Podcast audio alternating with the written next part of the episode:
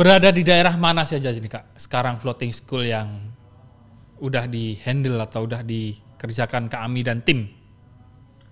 Jadi sekarang kalau di Sulawesi Selatan sekarang karena kita programnya tidak sekali datang ya Mas ya. Hmm. Jadi kita membuat program uh, kurikulum berkelanjutan. Jadi sekarang memasuki pulau keempat. Tapi di pulau ada satu pulau dari uh, program sebelumnya kita buat pustaka dan adik-adik yang dulu ikut belajar dengan kita menjadi orang yang anak-anak uh, pemuda-pemuda yang bertanggung jawab di pustaka di pulau tersebut.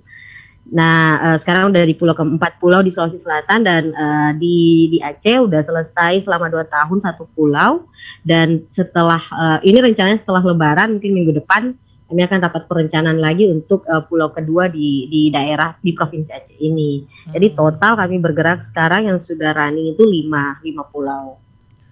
Untuk eh, lima enggak ya lima dua provinsi.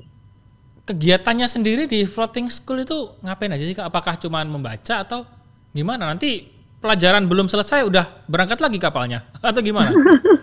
Jadi ya eh, relawannya nginap sih, hmm, Mas. Oke. Okay. Jadi uh, apa? Uh, karena kita enlightenment program ya, program uh, after school program. Jadi tentu kita tidak uh, apa mengambil jadwal pelajaran di sekolah dan pelajaran-pelajaran kita kita membahasakannya konsep yang menyenangkan dan sesuai dengan apa yang anak-anak mau atau remaja mau. Nah, misalnya kita ada pelajaran tentang seni, seni vokal, seni eh, seni musik, lalu kemudian uh, seni prakarya, melukis, uh, lalu komputer, operasi uh, apa komputer, lalu kemudian uh, kelas menulis dan mereka masuk ini mereka masuk ini tidak, tidak jadi setiap anak harus memilih dan berdasarkan juga kuesioner awal kan mereka maunya di kelas mana jadi kita bisa melihat progresnya sebagai contoh anak-anak yang awalnya tidak bisa nih buka laptop hmm. ternyata setelah enam bulan atau satu tahun program mereka sudah bisa mengetik ide mereka di Word, bisa mempresentasikan pulau mereka melalui PowerPoint. Nah, pelajaran-pelajaran hmm. seperti itu. Selain itu tentu pelajaran uh, apa ada juga pelajaran bahasa Inggris dan juga kelas kelas-kelas uh, apa bermain untuk anak-anak. Berarti memasukkan unsur kayak teknologi belajar dengan teknologi juga ya dengan adanya laptop iya, betul, dan sebagainya. Betul. Ada jaringan internet berarti ya WiFi dan sebagainya. Uh, bukan sih mas, eh, operasi dasar komputer ini oh, ini okay. Microsoft Word. Oh masih Anak-anak kan, ya, ya? Hmm. belum mengenal ini ya. Itu tadi mereka masih hmm. awalnya mereka malah gugup untuk menyalakan power dari laptop itu sendiri. Oh, Tapi mereka okay. kayak ada yang ketakutan gitu kan. Jadi oh, itu iya, iya sesuatu iya, iya, yang iya. wow melihat progres mereka sampai sekarang. Nah, uh, kendala yang dialami Kak Ami sendiri sampai saat ini apa nih Kak? Kan sepertinya tadi cukup menantang dan banyak sekali operasional teknis yang dibutuhkan. Nah, sampai detik ini untuk mengoperasikan floating school ini atau ke depannya mengembangkan floating school ini, apa kendalanya? Jadi yang pertama tentu adalah perkara cuaca ya Mas ya. Hmm. Ini uh, kendala karena kita menghadapi uh, ombak yang kadang tidak pasti ya. Hmm. Tapi dengan semangat yang pasti semangat yang uh, menggebu-gebu untuk semangat semangat untuk berkontribusi tidak hanya dari kami bertiga sebagai founder tapi kami juga melihat itu dari eh, anak-anak uh, muda baik di Sulsel maupun di Aceh yang tergabung dalam program uh, volunteering ini. Lalu uh, meskipun begitu ya terkadang cuaca bikin kita takut juga kadang hmm. dalam bot dalam kapal kita melihat uh, wajah relawan yang tiba-tiba pucat, ada yang uh, pernah muntah dan sebagainya gitu karena ombak. Jadi cuaca pertama. Terus yang kedua adalah sustainability-nya. Sustainability ini maksudnya uh, apa?